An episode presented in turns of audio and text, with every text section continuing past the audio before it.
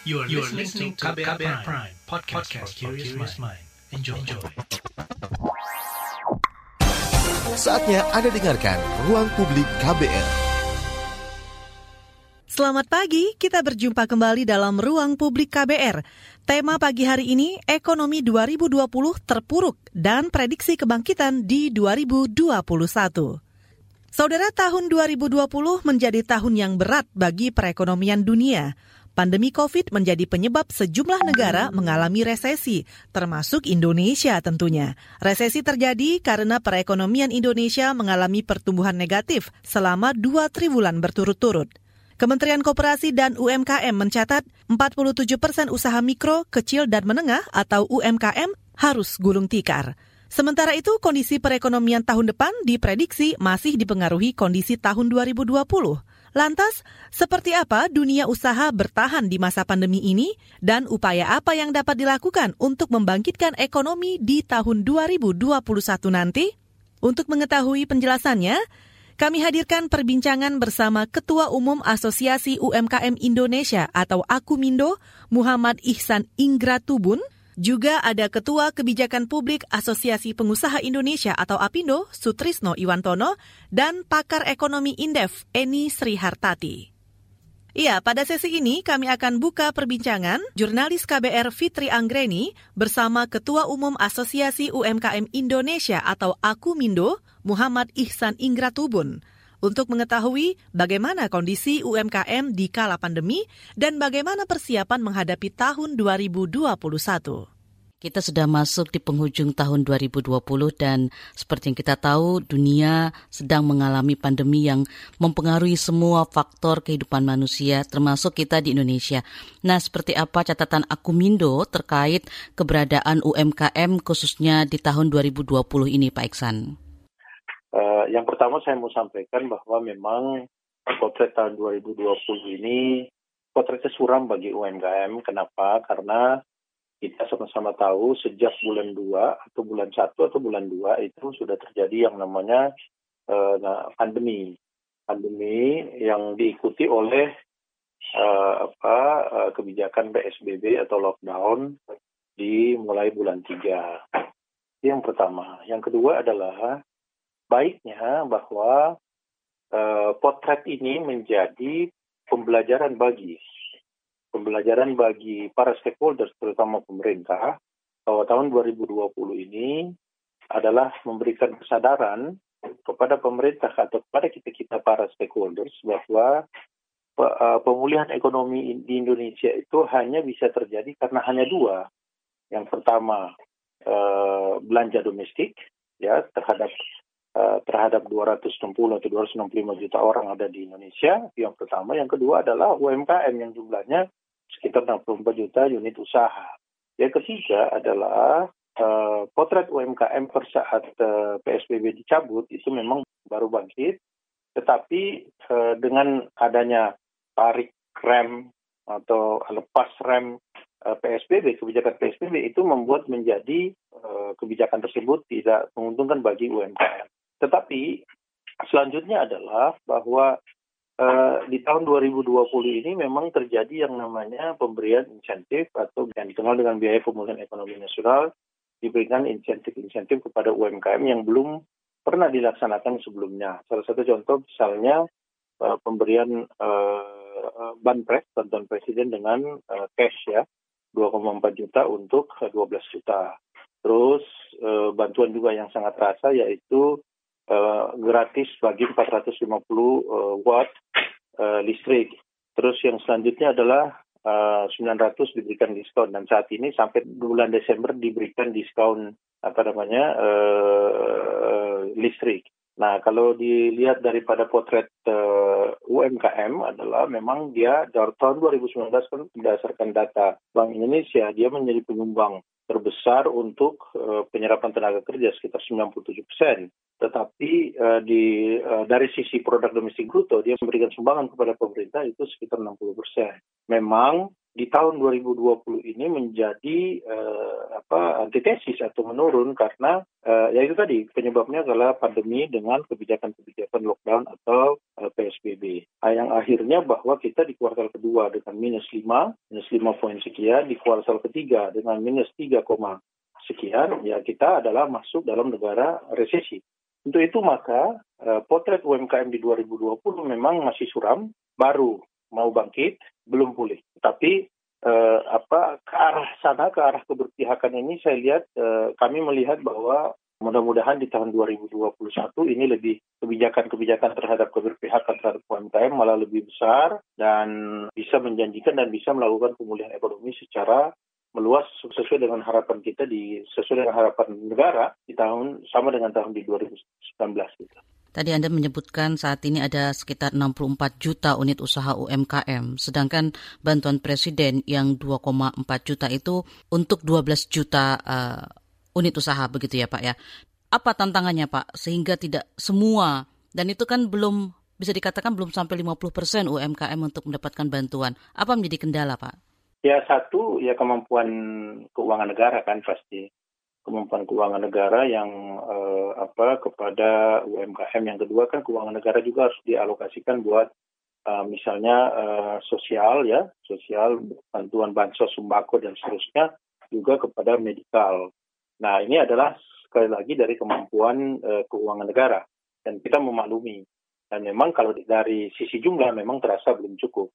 Dan alhamdulillah kami dengan koordinasi kepada Kementerian Koperasi dan UMKM Bateten bahwa dengan beberapa dengan deputi bahwa insya Allah tahun depan juga sudah disiapkan mudah-mudahan sama dengan jumlah yang apa namanya jumlah yang ada sekarang 12 juta bahkan bisa lebih. Permintaan kami sekitar 30 jutaan. Nah memang banyak juga yang mengatakan bahwa kan nilainya itu nilainya tidak besar tuh Pak Ikan apa 22,4 juta ya nggak apa-apa. Yang penting uh, tujuan daripada pemberian secara cash ini kan orang muda, orang uh, apa uh, para para para pengusaha terutama usaha produksi memegang duit dan dia mampu belanja untuk memberikan dampak kepada usaha-usaha di bawahnya. Nah, seperti apa uh, pengawasan penggunaan dana uh, cash yang diberikan ini uh, kepada UMKM, Pak Iksan? Apakah ada? Saya lihat mekanismenya sangat bagus ya. Kalau dari asosiasi melihat sangat bagus bahwa ada beberapa memang yang yang uh, ada yang kurang, tetapi uh, baiknya adalah memang dari uh, tujuan daripada pemberian dana cash ini memang ada tiga. Yang pertama ya, yang pertama pemerintah melakukan uh, satu orang pegang duit atau pengusaha-pengusaha UMKM yang sifatnya produksi pegang duit supaya belanja atau supaya belanja modal untuk berdampak kepada produk domestik bruto. Yang kedua adalah pendataan ulang, pendataan ulang daripada uh, usaha mikro yang ada uh, otomatis kan pemerintah mendapatkan data yang valid. Pemerintah mendapatkan data yang valid terutama CQ, Kementerian Koperasi dan UMKM. Yang ketiga adalah uh, pemulihan ekonomi sendiri. Nah, terkait dengan pengawasannya karena ini uh, mekanismenya menurut kami sudah sangat baik bahwa ini juga pemberiannya langsung kepada uh, yang bersangkutan, pengusaha yang bersangkutan tidak ada melalui lembaga atau tidak ada melalui orang per orang gitu. Jadi pengusahanya siapa si A disampaikan kepada si A walaupun lembaga pengusulnya orang lain gitu atau lembaga. Kalau untuk UMKM sendiri Pak, apa upaya yang bisa mereka lakukan supaya bisa mendapatkan bantuan ini mungkin di tahun 2021 nanti Pak? Ya, yang pertama dia harus comply ya, karena ini kan pemerintah. Bantuan pemerintah pasti adalah birokrasi yang akan diperiksa atau diaudit. Maka persyaratan-persyaratan yang disampaikan oleh pemerintah itu harus di comply atau, atau harus diikuti Bagaimana caranya? Bahwa dia harus sering uh, konsultasi kepada dinas UMKM setempat. Uh, misalnya di kabupaten ya kabupaten kota dan seterusnya di provinsi di, di provinsi. Nah, uh, saran kami adalah harus mengikuti harus mengikuti dan rajin ya dan rajin untuk uh, berkonsultasi dengan dinas UMKM setempat dan juga mengikuti semua persyaratan yang diberikan oleh pemerintah karena pemerintah sekali lagi diperiksa pada saat selesainya program ini gitu. Itu yang harus dilakukan. Tadi juga Anda sudah menyebutkan bahwa UMKM sudah mulai bangkit, Pak. Nah, sebenarnya sektor uh, apa yang uh, bisa dikatakan mulai bangkit dan sektor apa yang masih uh, belum bisa untuk bangkit katakanlah di tahun 2021 nanti? Ya, sektor yang sudah mulai bangkit dan berkembang, ya, mulai bangkit dan berkembang itu tetap dari sektor makanan ya terbukti di dalam uh, pandemi mulai bulan 3 sampai saat ini itu memang kenaikan dari sisi makanan itu sangat tinggi, sangat tinggi, bahkan masuk di daerah uh, go digital atau go online itu sekitar 13 sampai 15 persen kami hitung. Nah, tetapi rata-rata yang dijual itu adalah makanan. Itu yang pertama. Yang kedua adalah sektor yang tidak bisa sampai saat ini belum bisa bergerak dengan baik adalah sektor pariwisata. Sektor pariwisata atau UMKM-UMKM yang berhubungan dengan pariwisata, misalnya uh, agen-agen penjualan tiket, terus uh, sewa sewa motor, sewa mobil dan seterusnya. Kalau ke Bali itu udah lesu deh. Kalau sebelumnya sangat bergairah, ini sangat lesu. Nah, sektor inilah yang memang belum ada kepastian untuk bisa bangkit saat ini. Kecuali uh, dari apa turis-turis domestik ya, itu pun juga uh, karena ini ya, karena disebabkan pandemi, orang banyak kehilangan pekerjaan, sekitar lebih kurang catatan kami sekitar 7 jutaan orang kehilangan pekerjaan. Juga sebelum pandemi itu ada sekitar 2 juta Eh, pencari kerja atau angkatan kerja 7 juta yang memang masih menganggur, maka eh, orang masih menahan atau kemampuan daya beli menurun. Untuk itu sektor-sektor yang seperti pariwisata memang kita belum bisa mengatakan dia bangkit eh, atau dia pulih dan itu juga di tahun 2021 belum kita pastikan karena memang belum ada kepastian siapa yang bisa memastikan bahwa tahun 2021 corona berakhir kan tidak kan tidak ada yang bisa memastikan. Tapi apakah ada semacam momentum yang bisa digunakan selain mendapatkan bantuan bagi UMKM ini Pak di tahun 2021 nanti yang bisa menjadi harapan untuk bangkitnya uh, hampir keseluruhan sektor UMKM Pak? Ada, jadi gini, uh, eh, UMKM ini adalah sangat uh, dinamis ya, sangat dinamis uh, dan mereka berusaha itu uh, sangat mudah untuk melakukan uh, transformasi. Nah, UMKM yang yang mudah melakukan transformasi itu adalah yang pertama dia mampu untuk membaca keinginan pasar pada saat pandemi. Nah, keinginan pasar pada saat pandemi kan pertama pasti tetap makan, ya, pasti tetap makan, bahkan uh, untuk kebutuhan-kebutuhan rumah tangga misalnya, uh, untuk kebutuhan rumah atau makan di rumah itu yang pertama. Yang kedua untuk kebutuhan uh, kesehatan misalnya masker, terus uh, anti antiseptik, terus apa uh, medical, terus meningkatkan antibodi atau jamu-jamuan dan seterusnya. Kalau dia mampu mentransformasikan dirinya sesuai dengan kebutuhan kebutuhan pasar saat ini itu pasti diberhasil.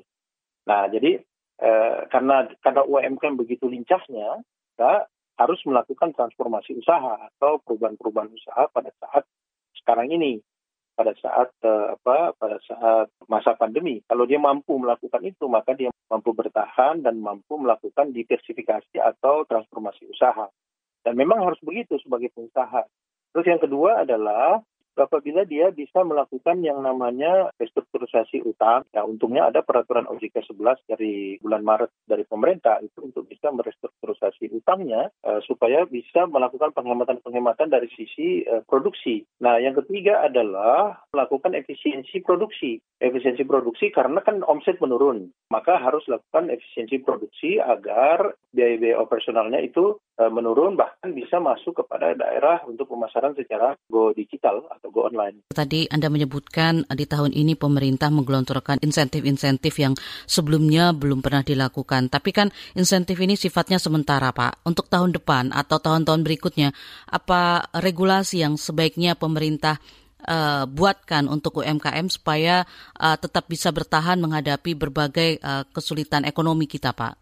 Nah, harapan kita bahwa uh, berdasarkan interaksi kita dengan Kementerian Koperasi dan UMKM, uh, alhamdulillah berkat suara-suara kami dari asosiasi, uh, insya Allah negara memperhatikan betul untuk penguatan kelembagaan uh, Kementerian Kooperasi dan UKM di tahun depan. Dan juga insentif-insentif pemerintah akan dilaksanakan atau akan dilanjutkan kepada UMKM di tahun depan bahkan sampai kepada lima tahun yang saya dengar yang saya ketahui dari Pak Presiden Jokowi. Nah, harapan kami adalah program-program dari pemerintah terkait dengan kebijakan keberpihakan atau kebijakan afirmatif yang dilakukan oleh pemerintah konsisten, ya, konsisten dan berlangsung terus menerus sampai kepada lima tahun. Karena pemulihan ekonomi memang UMKM sangat rapuh, ya UMKM sangat rapuh. Dia, karena dia hanya mempunyai tabungan sekitar 2-3 bulan dan saat ini pasti di mereka sudah nggak punya duit untuk uh, apa katakanlah membayar gaji karyawan, terus uh, uh, bertahan untuk pengoperasian bisnisnya dan dan seterusnya. Untuk itu harapan besar kami kepada pemerintah sebagai stakeholders yang punya kepentingan terhadap uh, pemulihan ekonomi nasional bahwa kebijakan keberpihakan dari pemerintah harus tetap dilaksanakan dan konsisten dilaksanakan terhadap uh, UMKM hingga sekitar dua atau tiga tahun ke depan. Saudara, ruang publik KBR masih akan terus berlanjut usai jeda. Masih Anda dengarkan Ruang Publik KBR. Anda masih mendengarkan Ruang Publik KBR dengan tema Ekonomi 2020 terpuruk dan prediksi kebangkitan di 2021. Pada sesi ini kami juga hadirkan perbincangan rekan Fitri Anggreni bersama Ketua Kebijakan Publik Asosiasi Pengusaha Indonesia Apindo, Sutrisno Iwantono. Saya sih masih memprediksi akan akan penurunannya tidak terlalu dalam gitu. Artinya sudah ada mulai membawa ke atas ya dengan pemikiran bahwa realisasi APBN yang sampai sekarang ini kan lambat ya, mungkin baru sekitar 30 persen. Stimulus itu baru 20 persen ya dari 695 triliun, sementara APBN itu mungkin sekitar 800-900 triliun dari sekitar 2.700 triliun. Nah, pada akhir eh, tahun anggaran 2020 itu mau nggak mau kan uang ini harus dibelanjakan. Ya, dengan demikian eh, akan ada seprotan dana kepada masyarakat ya yang saat ini likuiditasnya sudah kering. Nah dengan itu kita berharap bisa me apa namanya, menekan laju penurunan ekonomi yang buruk itu, sehingga bisa sedikit membal ke atas gitu pada akhir tahun inilah. Itu sebenarnya yang yang kita lihat. Di samping itu kan rakyat juga sudah mulai uh, jenuh gitu untuk untuk untuk tinggal di rumah terus menerus tanpa daya beli, tanpa penghasilan ya. Sehingga mau nggak mau mereka harus keluar rumah dan mencari sesuatu. Nah, itu yang yang kemungkinan bisa menumbuhkan ekonomi kita. Nah, cuma yang perlu dipikirkan itu adalah uh, disiplin di dalam menegakkan protokol COVID-19. Ya. Karena kalau tidak nanti kondisinya semakin parah ya, penyebaran COVID itu dan tentu ekonomi tidak akan baik. Karena sumber permasalahan ini kan ada di eh, pandemi itu sendiri, ada di virus itu sendiri. Kalau itu tidak dihentikan, ekonomi juga akan sulit untuk bisa recovery, bisa bangkit. Iya, Apindo sendiri sebelumnya juga uh, menyorot uh, soal pembenahan sektor kesehatan ya Pak Iwan ya, agar pemerintah memberikan uh, perhatian sungguh-sungguh agar uh, ketika sektor kesehatan bisa terbenahi, bisa uh, baik, maka itu akan mempengaruhi uh, sektor-sektor lainnya. Begitu Pak Iwan? Iya, betul itu memang. Memang misalnya saja kan kita lihat realisasi anggaran untuk kesehatan ini kan rendah ya. Pada bulan pertengahan Juni lalu atau mungkin data akhir Mei ya, itu kan baru 2,4 persen. Karena itu Pak Jokowi kan marah pada waktu itu. Nah, ternyata sekarang ini juga paling sampai 6-7 persen. Nah, kalau kesehatannya lambat begitu, tentu upaya untuk mencegah penyebaran dari penyakit ini kan jadi eh, tidak berefek gitu. Karena itu memang diperlukan upaya-upaya untuk mendorong itu lebih lebih cepat realisasi anggaran terutama sektor kesehatan itu. Apakah sektor kesehatan ini bisa dikatakan menjadi penyebab merosotnya perekonomian di dalam negeri, Pak, terutama pada saat pembenahan uh, sektor kesehatan ini, Pak Iwan? Iya, kalau tidak ada pandemi kan ekonomi tidak akan seperti ini. Karena ada pandemi, orang nggak bisa kerja, pabrik-pabrik juga nggak bisa buka. Nah, itu yang menyebabkan ekonominya tidak jalan. Gitu. Karena itu memang itu uh, uh, mutlak harus dilakukan. Hanya saja memang kenapa stimulus realisasi stimulus itu rendah, karena kan birokrasi ini kan terikat kepada aturan-aturan ya. Tidak bisa kemudian melanggar begitu saja. Itu yang menyebabkan lambat karena kalau tidak nanti pada saat normal mereka akan berurusan secara hukum. Pertama karena eh, pada waktu itu kan dilakukan restrukturisasi, refocusing dari APBN, ya.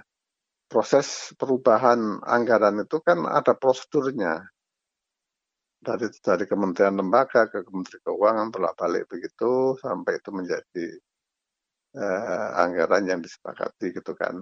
Nah, itu yang makan waktu. Sehingga berbagai keterlambatan itu tidak bisa dihindarkan. Nah, seharusnya kan kita ada upaya-upaya untuk uh, menyederhanakan proses itu. Ya. Nah, kalau ini tidak dilakukan penyederhanaan, tentu birokrasi nggak berani melanggar itu, karena pada akhirnya nanti akan putusan secara hukum. Nah, kita dilakukan penyederhanaan, kan ini harus harus ada landasan hukumnya yang kemudian mengikat bagi eh, aparat penegak hukum. Jangan sampai nanti karena ada, misalnya prosesnya itu memakan 10 tahapan itu ya, dipotong jadi 6, itu kan berarti ada 4 yang dilanggar itu. Nah, upaya memotong 4, pelanggaran 4 itu dasar hukumnya apa? Itu yang kemudian harus dibuat, dan karena itulah sebenarnya keterlibatan dari berbagai eh, pihak dari unsur eh, penyedia anggaran, misalnya Menteri Keuangan, pemakai atau pengguna itu kementerian, lembaga, gubernur, bupati itu kan wali kota ya. Kemudian dari unsur pengawas ada BPK dan unsur penegak hukum, polisi, jaksa, KPK itu mestinya duduk bersama untuk segera menyelesaikan uh, masalah itu gitu loh. Jadi saya kira dengan cara itu akan akan lebih cepat prosesnya nanti. Ya, jadi maka seperti yang uh, Pak uh, Iwan tadi sampaikan bahwa kita berharap sampai akhir tahun uh, persoalan ini bisa terselesaikan dan uh, uh, APBN bisa dibelanjakan uh, secara maksimal, begitu ya Pak ya? Nah, Pak, bagaimana dengan daya beli masyarakat, Pak? Apakah ini juga bisa menjadi salah satu upaya untuk menyelamatkan ekonomi, Pak? Ya, iya jelas lah kan sekarang ekonomi kita itu kan di drive dari konsumsi ya. Konsumsi itu sebelum pandemi ini kan eh, menyumbang sekitar 56 persen dari GDP kita. Nah sekarang ini mengalami penurunan yang cukup signifikan ya. Kemarin itu di antaranya itu eh, konsumsi kan negatif sekali ya eh, pertumbuhannya. Kenapa konsumsi turun? Karena daya beli masyarakat tidak ada. Kenapa daya beli masyarakat nggak ada? Karena dia nggak bekerja gitu loh. Ya kalau kalau kalau mereka tidak bekerja ya eh, selamanya daya beli tidak akan tumbuh. Sementara kan tidak mungkin negara ngasih uang ke mereka kan terus menerus. Itu nah kalau untuk itu kan kembali lagi bahwa bagaimana membuat orang bekerja tetapi juga tidak uh, menimbulkan apa keparahan dari sisi kesehatan gitu. Nah, di situ yang menjadi eh, dilemanya itu kan di situ. Karena itu kan saya waktu sering selalu mengusulkan agar masyarakat disubsidi aja itu masker dan face shield itu. Dengan disubsidi itu tentu uh, mereka bisa bekerja secara normal gitu ya, karena terlindungi. Masyarakat sendiri bisa kita lihat uh, sepertinya uh, tingkat disiplinnya juga masih terendah, Pak. Ya itu dia, makanya saya bilang kan tidak bisa satu pihak saja, semua orang harus sama-sama untuk uh, mengatasi ini. Kita udah kasih macam-macam. Kalau nggak mau pakai masker, nggak mau cuci tangan, juga terkait uh, bantuan tadi Pak, pemerintah berencana untuk memberikan subsidi untuk uh, karyawan uh, bergaji di bawah 5 juta selama beberapa bulan. Itu menurut Anda akan cukup bisa mendongkrak daya beli Pak? Ya saya kira begitu ya, memang itu itu di, kita setuju itu dengan dengan uh, itu dikasih dukungan 600 ribu ya itu diharapkan bisa mendongkrak daya beli itu. Dan juga pemerintah sudah memberikan izin untuk melakukan perjalanan dinas bagi pegawai pemerintah, Pak. Apakah ini juga uh, bisa dikatakan membawa pengaruh baik terhadap uh, paling tidak katakanlah uh, beberapa sektor yang terpengaruh di dalamnya, Pak? Ya harapannya begitu karena mobilitas itu kan salah satu yang terpukul ya. Kemarin sektor transportasi itu yang paling terpukul ya. Nah, kalau mobilitas tidak ada, mungkin orang juga tidak bisa bergerak. Tentunya juga pasti hotel, restoran akan uh, tidak ada kebangkitan nanti kalau seperti itu. Jadi dengan dibuka itu ya, tapi lagi-lagi masih taat protokol COVID-19 itu. Saudara Ruang Publik KBR masih akan terus berlanjut usai jeda. Masih Anda dengarkan Ruang Publik KBR. Anda masih mendengarkan Ruang Publik KBR. Pada segmen ini, Fitri Anggreni berbincang dengan peneliti senior Indef Eni Sri Hartati mengenai kilas balik ekonomi 2020 dan strategi yang tepat dilakukan untuk membangkitkan ekonomi 2021. Berikut penjelasannya. Kita sudah masuk di penghujung tahun 2020 dan kita tahu tahun 2020 ini dunia mengalami pandemi COVID-19 dan mempengaruhi seluruh sektor kehidupan di masyarakat termasuk di Indonesia. Nah, dalam catatan Mbak Eni sendiri, seperti apa kondisi ekonomi Indonesia selama masa pandemi ini, Mbak?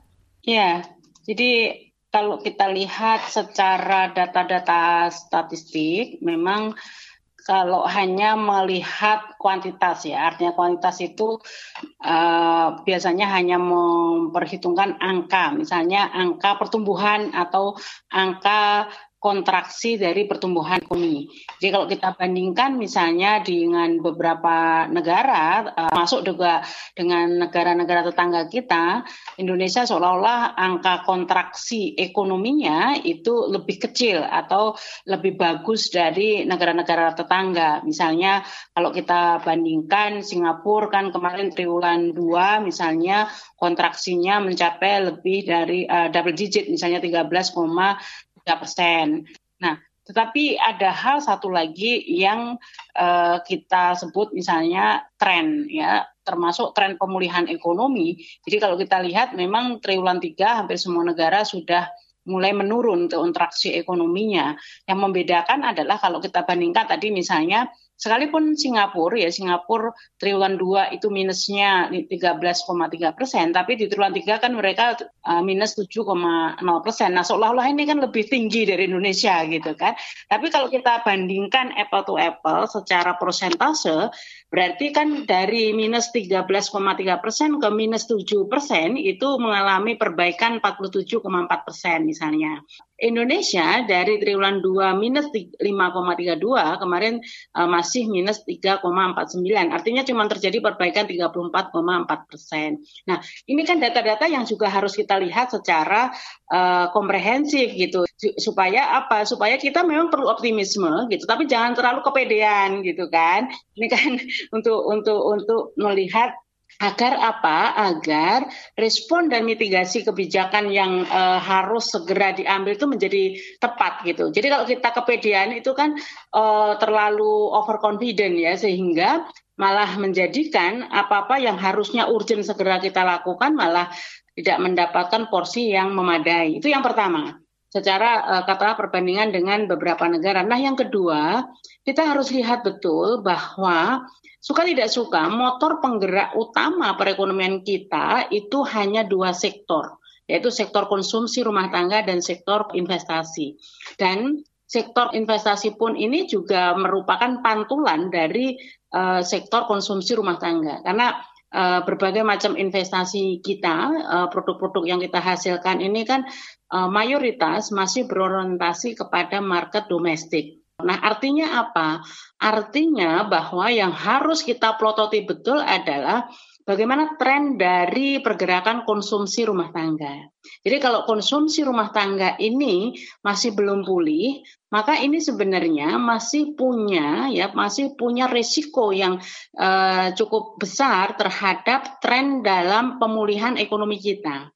Nah, sekarang tinggal kita lihat uh, konsumsi rumah tangga atau uh, ini kan cerminan dari daya beli masyarakat. Nah, daya beli masyarakat itu ditentukan oleh apa? kalau saya sederhana sekali. Jadi uh, kalau kita runut dari awal tadi, pertumbuhan ekonomi itu sangat ditentukan oleh konsumsi rumah tangga. Konsumsi rumah tangga itu fungsi dari pendapatan masyarakat, gitu kan. Nah, pendapatan masyarakat itu fungsi atau ditentukan lagi oleh apa? Oleh investasi. Nah, jadi kalau kebijakan-kebijakan itu fokus kedua sisi saja, itu sudah akan uh, uh, lebih dari efektif untuk tidak hanya tidak terjebak kepada resesi yang berkepanjangan, tetapi itu yang menjadi kunci pemulihan ekonomi, kira-kira begitu. Jadi skema-skema bantuan uh, pemerintah yang berupa BLT juga untuk karyawan, untuk UMKM itu masih belum komprehensif ya Mbak karena uh, masih satu sisi saja begitu. Jadi begini, uh, kalau kita sakit itu kan ada yang namanya PPPK ya, pertolongan pertama gitu kan dulu kalau kecelakaan atau itu kan butuh PPPK. Tapi PPPK itu kan nggak bisa menyembuhkan, apalagi kalau misalnya uh, kecelakaannya sampai patah tulang gitu kan. Nah, ini kan perlu penanganan yang serius. Nah, BLT namanya aja BLT itu kan bersifat hanya perlindungan, seperti social safety net gitu kan, hanya sebagai uh, pemberian balsem lah supaya pusingnya hilang sedikit gitu. Tapi nggak akan menghilangkan ra, uh, rasa pusing, apalagi kalau pusingnya karena kelaparan gitu kan, karena mereka harus dikasih makan gitu. Nah, itu yang uh, apa harus harus uh, ditindaklanjuti. Jadi Eh, sebagai respon awal bahwa dengan adanya shock karena pandemi orang uh, tiba-tiba nggak bisa bekerja dan kehilangan pekerjaan, maka mereka perlu yang namanya perlindungan sosial. Perlindungan sosial ini fungsinya untuk apa? Fungsinya untuk menahan daya beli mereka supaya tidak anjlok. Nah, daya beli ini mestinya kan akan berdampak kepada uh, sektor real. Jadi kalau masih ada permintaan dari masyarakat, masyarakat gaya belinya tidak anjlok, maka sektor real ini juga tetap masih bergeliat gitu kan. Nah, akan menjadi persoalan kalau misalnya satu sisi ternyata perlindungan sosial tadi tidak efektif. Misalnya tidak efektif untuk menahan uh, dropnya atau turunnya daya beli masyarakat. Nah, yang kedua juga eh, sekalipun mereka diberikan bantuan sosial, tetapi tidak mempunyai pantulan untuk menahan penurunan eh, di sektor produktif. Kenapa bisa? Bisa, misalnya, pertama dari sisi efektivitas dana-dana perlindungan sosial. Kalau dana-dana perlindungan sosial ini ternyata tidak tepat sasaran, misalnya tidak terintegrasi tadi eh, kata Mbak Fitri, nah maka masih banyak orang-orang yang harusnya menerima bantuan ini tidak tercover oleh bantuan sehingga daya beli mereka tetap drop. Nah, sehingga ini kan tetap tidak mampu menahan penurunan dari daya beli masyarakat. Jadi kalau menurut saya daya beli masyarakat uh, atau penurunan konsumsi rumah tangga yang minus di triwulan 2 minus 5,52 persen dan di triwulan 3 dengan berbagai bantuan yang luar biasa banyaknya itu masih minus 4,04 persen. Ini memerlukan satu uh, apa monef ya atau monitoring evaluasi yang menyeluruh menurut saya karena uh, apa dari data-data makro ini ada indikasi yang yang cukup besar bahwa anggaran-anggaran perlindungan sosial itu tidak cukup efektif untuk menahan anjloknya daya beli masyarakat. Nah, yang kedua kalau kita lihat uh, penurunan sektor-sektor produktif ya, terutama sektor-sektor uh, industri juga sektor-sektor UMKM ini kan juga besar sekali. Nah, ini juga sekaligus mengindikasikan bahwa uh, permintaan ke, ke sektor-sektor produktif kita ini juga rendah sekali. Nah, tetapi di sisi lain kalau kita lihat uh, indikator impor ya, impor ini kan kemarin malah diklaim uh, membaik di triwulan apa tiga gitu.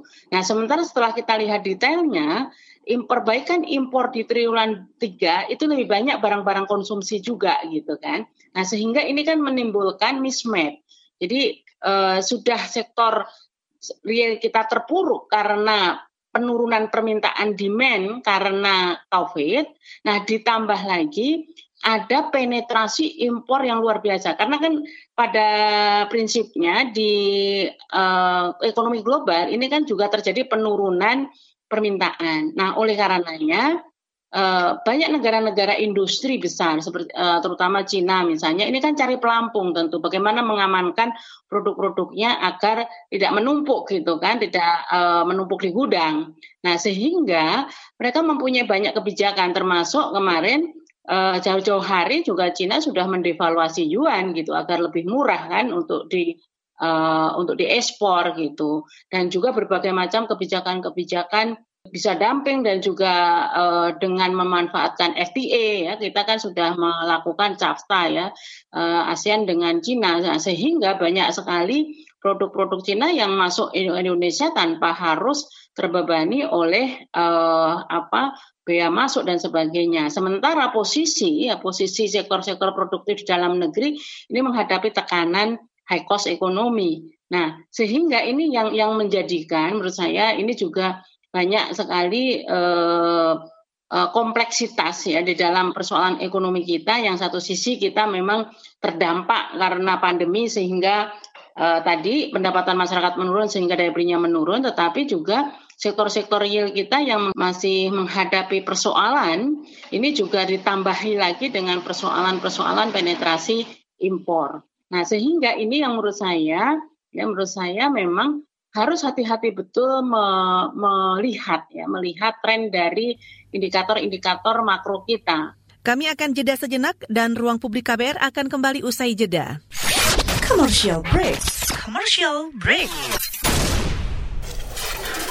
Anggota komunitas Home Laras memberi semangat kepada teman-teman Broken Home untuk berprestasi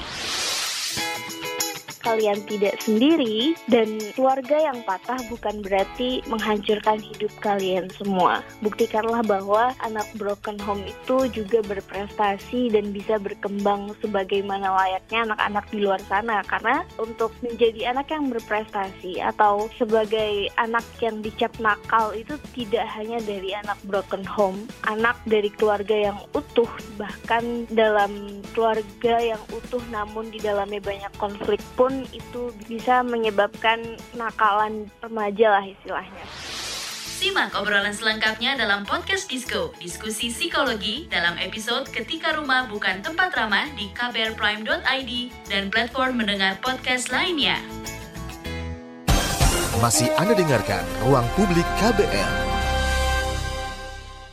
Saudara kita tiba di bagian akhir ruang publik KBR hari ini, masih membahas tema ekonomi 2020 terpuruk dan prediksi kebangkitan di 2021 bersama peneliti senior Indef Eni Sri Hartati. Mbak Eni, bagaimana dengan vaksin yang sudah sampai di Indonesia dan akan segera diberikan kepada kelompok-kelompok prioritas? Seperti apa Anda melihat kehadiran vaksin ini dalam mempengaruhi ekonomi kita, Mbak?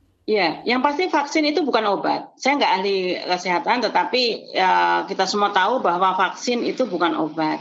Artinya apa? Artinya keberhasilan kita mengenyahkan problem pandemi ini tidak hanya ditentukan oleh ketika uh, vaksin itu sudah ditemukan. Jadi kalau kita tetap AB misalnya membuat kebijakan-kebijakan yang memicu uh, terus terjadinya penyebaran seperti sekarang pilkada tidak dihentikan dan sebagainya, gitu kan, maka e, vaksin ditemukan pun itu juga belum tentu langsung memberikan solusi terhadap persoalan pandemi di Indonesia. Itu yang mesti e, dipahami bersama gitu. Bahwa dengan ditemukan vaksin itu menimbulkan optimisme, oke. Okay.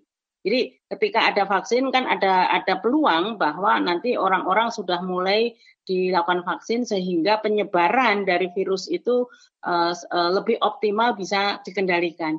Tapi kalau perilaku kita sendiri gitu kan perilaku kita sendiri itu termasuk uh, tidak hanya masyarakat tapi berbagai kebijakan-kebijakan juga tidak koheren untuk menjaga protokol kesehatan atau protokol COVID ya kita juga belum tentu mampu uh, sekalipun ada vaksin juga belum tentu mampu untuk mengendalikan penularan dari COVID. Hari ini saja kita masih mengalami uh, peningkatan untuk kasus-kasus baru gitu kan.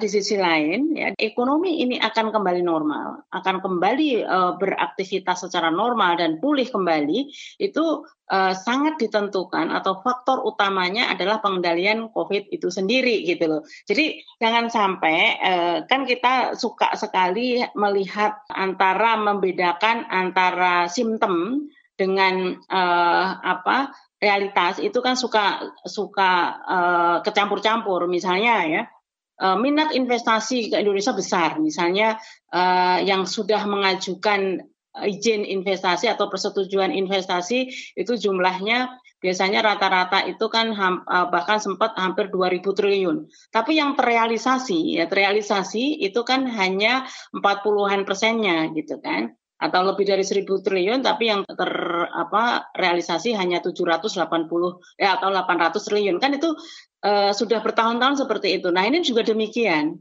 Jadi jangan sampai misalnya kita uh, sudah mempunyai persepsi bahwa dengan ditemukan vaksin ini uh, apa sudah membuat confident atau biasanya di dalam uh, ekonomi itu ada yang namanya indeks tendensi bisnis gitu. Artinya kepercayaan para pelaku usaha terhadap ekspektasi ekonomi ke depan. Tapi kan itu baru ekspektasi. Ekspektasi karena orang yakin gitu kan sudah ada uh, ditemukan vaksin. Tapi ekspektasi itu kan belum menjadi realitas. Realitas keputusan mereka untuk melakukan perluasan atau ekspansi investasi. Nah ini yang yang harus benar-benar saya lagi uh, diperhatikan gitu. Jadi untuk tahun depan uh, langkah seperti apa yang sebaiknya dilakukan pemerintah untuk uh, katakanlah memperbaiki atau malah meningkatkan kondisi ekonomi kita terutama untuk meningkatkan konsumsi masyarakat dan juga produksi di dalam negeri, Mbak. Kalau pemerintah itu kan simpel ya. Pemerintah itu kan bukan eksekutor dalam hal ekonomi, bukan pelaku usaha. Tapi pemerintah punya peran sangat besar. Apakah kebijakan-kebijakan pemerintah itu memberikan confident terhadap pelaku usaha atau tidak? Nah, artinya apa? Sekarang tinggal pemerintah mengambil posisi atau mengambil satu kebijakan-kebijakan yang meyakinkan bahwa kebijakan-kebijakan itu memberikan confident dan kepastian uh, usaha untuk para pelaku usaha. Jadi misalnya kewenangan pemerintah ini kan ada yang, yang namanya kebijakan fiskal. Jadi bagaimana pemerintah meramu kebijakan fiskal yang tepat itu antara lain yang memberikan nanti confident terhadap dunia usaha. Karena begini, kalau pemerintah ini bisa meracik uh, kebijakan fiskal secara uh, tepat, otomatis ada keyakinan uh, apa dalam dunia usaha bahwa resiko ya resiko pemerintah ini untuk default misalnya untuk uh, tidak sehat gitu kecil. Nah, sekarang kita tinggal lihat bagaimana kondisi fiskal Indonesia. Jadi kondisi fiskal kita dengan uh, sebenarnya tanpa adanya pelebaran defisit untuk penanganan COVID di APBN 2020, kita kan sudah menghadapi tekanan uh, peningkatan utang yang sangat-sangat tinggi sebenarnya. Nah, ditambah lagi dengan defisit 1000 triliun bukan miliar, ini kan menambah uh, beban fiskal kita uh, tentu semakin menurun. Nah, yang orang lupa, ini kan ha uh, hanya pemerintah selalu melihat bahwa rasio utang kita terhadap GDP ini uh, masih aman dan sebagainya gitu loh. Padahal kita tahu persis kemarin pemerintah dengan menambah utang 1000 triliun itu sudah ya sudah didoping dengan barter sharing dari Bank Indonesia yang jumlahnya hampir 400 triliun gitu kan. Kedua adalah pengambilan utang yang uh, kemarin digunakan untuk pembiayaan defisit itu juga sudah dengan biaya yang sangat tinggi. Kita lihat uh, tingkat rate dari global bond kita lebih tinggi dari Filipina. Kedua, SBN kita yang bunga dari SBN kita juga tertinggi misalnya di ASEAN atau beberapa negara lain kita termasuk tinggi sekali gitu kan.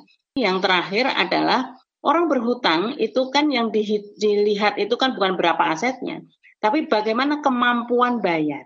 Nah, kemampuan bayar itu kan dari pendapatan. Coba kita bandingkan utang pemerintah itu sudah uh, melampaui 4.000 bahkan uh, terakhir mungkin sudah sekitar 5.000 triliun. Kita lihat pajak pemerintah berapa?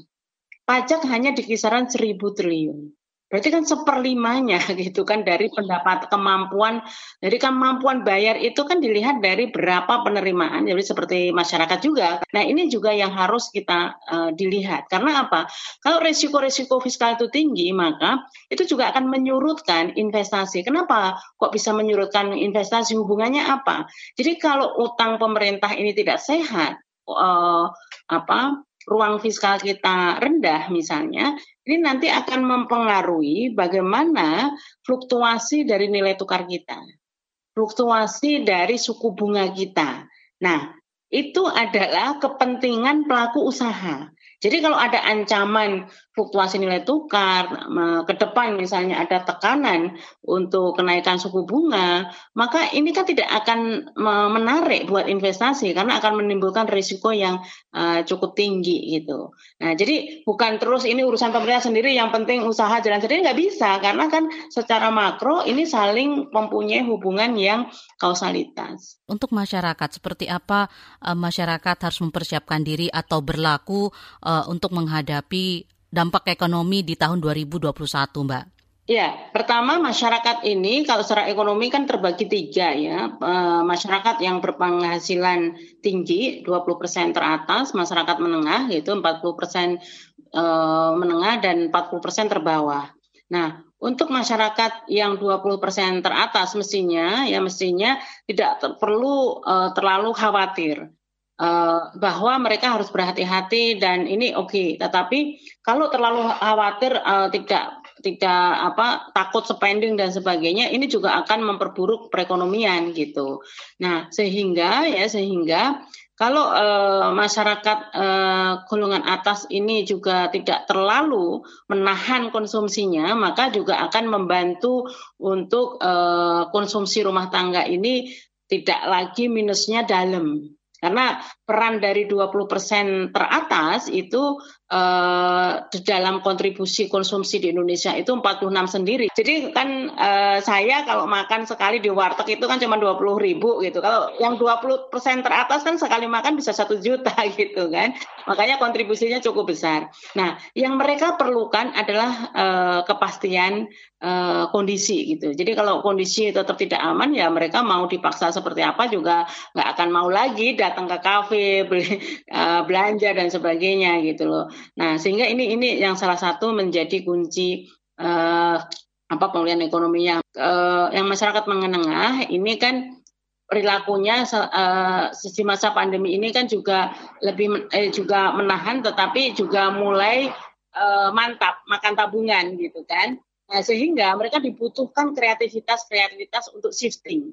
Artinya eh, terutama yang yang memang eh, di sebelum pandemi mereka bergerak di sektor-sektor yang normal. Nah, ketika misalnya di masa-masa pandemi ini uh, harus tidak uh, terpaksa tidak akomodatif dengan protokol COVID, maka kan diperlukan satu kreativitas-kreativitas untuk baik dari sisi produksi maupun konsumsi gitu kan. Konsum, uh, produksi juga bisa, uh, harus uh, punya shifting ya untuk berani shifting untuk sektor-sektor yang masih uh, prospektif dan dari sisi konsumsi tentu uh, harus mengatur gitu kan. Bukan bukan menahan tapi mengatur. Mengatur memanage konsumsinya dengan baik. Nah yang benar-benar membutuhkan uluran tangan membutuhkan stimulan dan membutuhkan ini memang yang 40% terbawah ini.